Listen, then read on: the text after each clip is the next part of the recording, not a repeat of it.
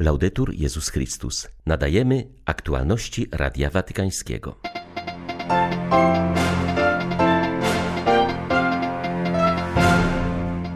Papież we wstępie do tomiku poezji młodego twórcy zachęca do odkrywania talentów, które często nie są rozwijane z obawy przed porażką i osądem innych.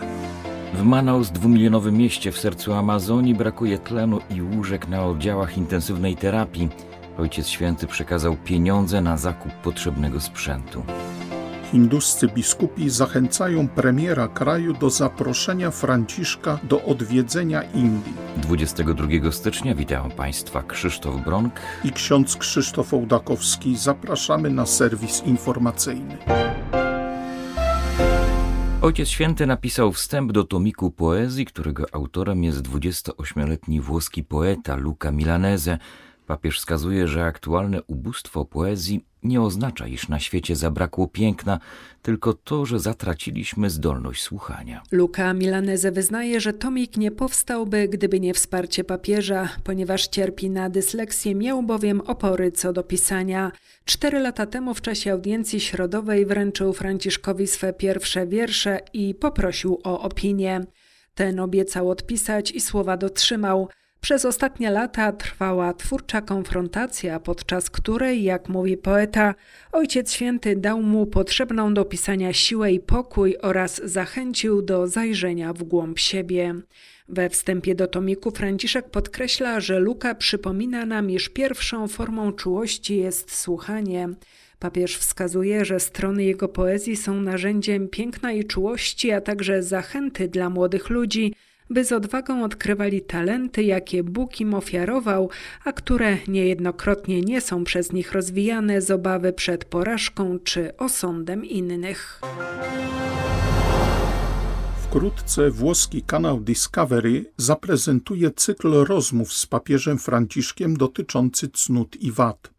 Wywiady przeprowadził ksiądz Marco Pozza, kapelan więzienia o zaostrzonym rygorze Due Palazzi w Padwie autor wielu bestsellerów oraz chętnie oglądanych przez Włochów programów religijnych. Producenci zapewniają, że cykl, który nosi tytuł Cnoty i wady rozmowy z papieżem Franciszkiem, utrzymany jest w bardzo przyjacielskim i swobodnym tonie. Porusza nie tyle teoretyczne problemy nauki Kościoła, ale sprawy bliskie każdemu z nas, blaski i cienie ludzkiej egzystencji. Serial składa się łącznie z siedmiu odcinków. Każdy z nich poświęcony jest jednej cnocie i przeciwnej jej wadzie, tak jak są one ukazane na freskach Giotta w kaplicy Skroweni w Padwie. To właśnie delikatna relacja pomiędzy siedmioma wadami gniew, rozpacz, niestałość, zazdrość, niewierność, niesprawiedliwość i głupota, a siedmioma cnotami roztropność, sprawiedliwość, męstwo, umiarkowanie, wiara, nadzieja i miłość jest motywem przewodnim dialogu między papieżem Franciszkiem a księdzem Marko. Popadliśmy w kulturę przymiotnika, a zapomnieliśmy o rzeczownikach, mówi Franciszek w jednej z rozmów. Nie zapomnijmy, że jesteśmy osobami, mężczyznami i kobietami, a to jest ważniejsze niż dookreślenie nas przez wady i zalety. Bóg kocha osobę taką, jaka jest, nie kocha przymiotników, które nas charakteryzują, ale nas, wyjaśnia papież.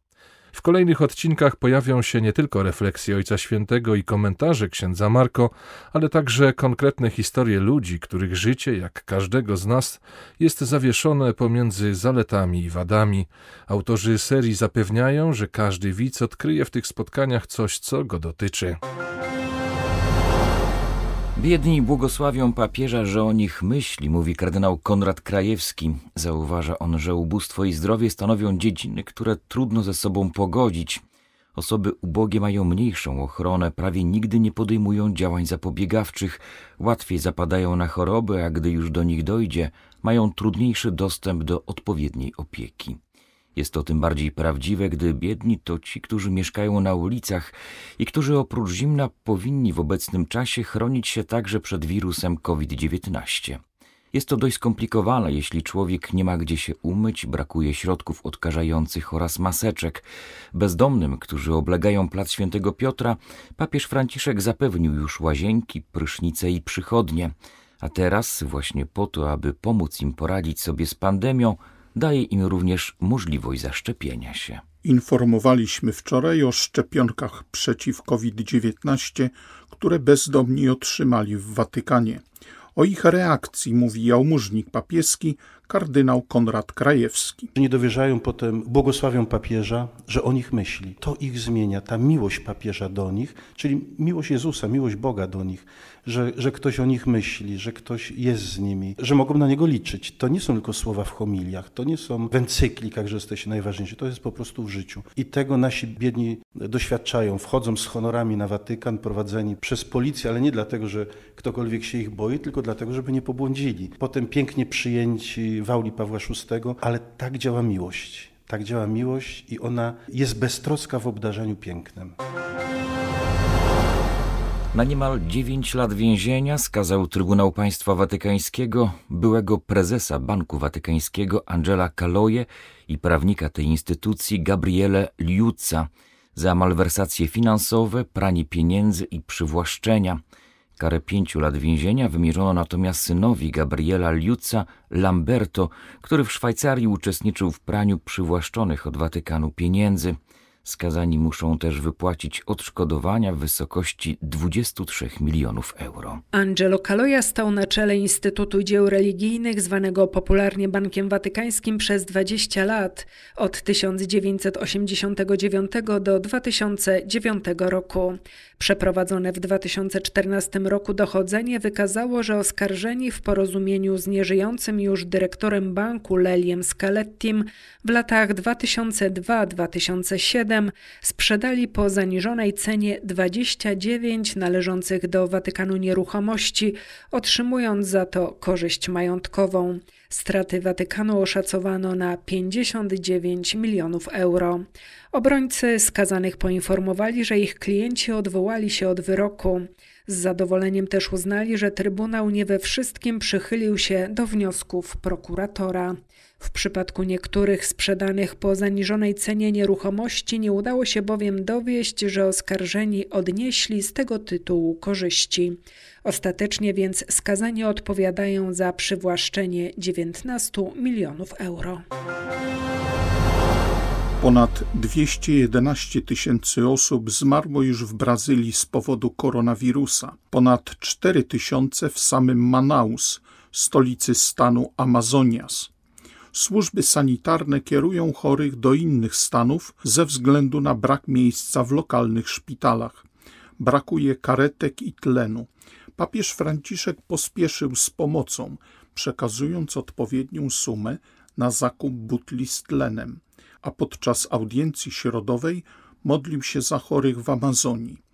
Biskupi skierowali apel do władz i społeczeństwa o pomoc dla szpitali, w których brakuje tlenu. Ze względu na pogłębiający się kryzys sanitarny, biskupi z pierwszego północnego regionu episkopatu zainicjowali kampanię Amazonas i Roraima liczą na Twoją solidarność. Hierarchowie zachęcają społeczeństwo do wspierania chorych z powodu pandemii i dla których nie ma miejsca w szpitalach. W związku z tą trudną sytuacją arcybiskup Leonardo Steiner z Manaus zwrócił się z błagalnym apelem na miłość boską przyślijcie nam tlen. Z kolei arcybiskup Valmor Oliveira de Azevedo, przewodniczący episkopatu, zwrócił uwagę, że bardzo poważna sytuacja w mieście Manaus jest pilnym wezwaniem do chrześcijan i wszystkich osób wrażliwych wobec cierpiących bliźnich.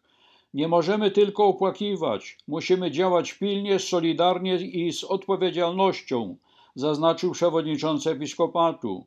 Z Brazylii dla Radia Watykańskiego ksiądz Malczewski, Chrystuszowiec.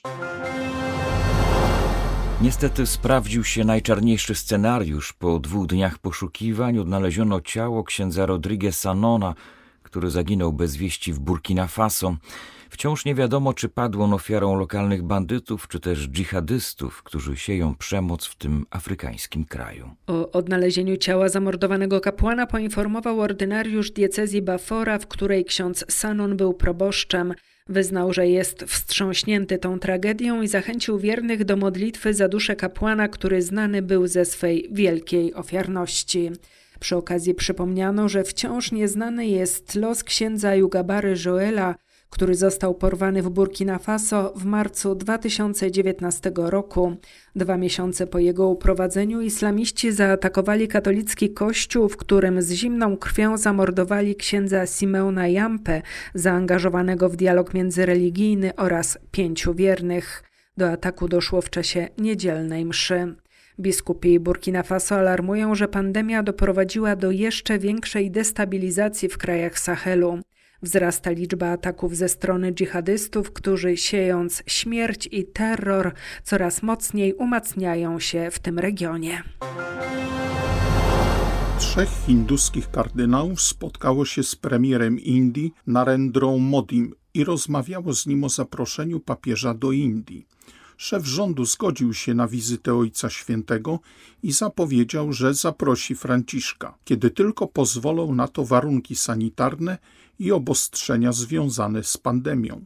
Podczas 45-minutowego spotkania omówiono również inne kwestie i wyzwania stojące przed społecznością chrześcijańską w tym kraju. Purpuratami, którzy spotkali się z premierem Modim, byli kardynał Oswald Gracias, przewodniczący episkopatu Indii, kardynał George Alenchery, zwierzchnik kościoła syromalabarskiego oraz kardynał Bazylios Klimis, przywódca kościoła syromalankarskiego. W rozmowie poruszono m.in. sprawę jezuity ojca Stana Słamiego, aresztowanego za działalność społeczną.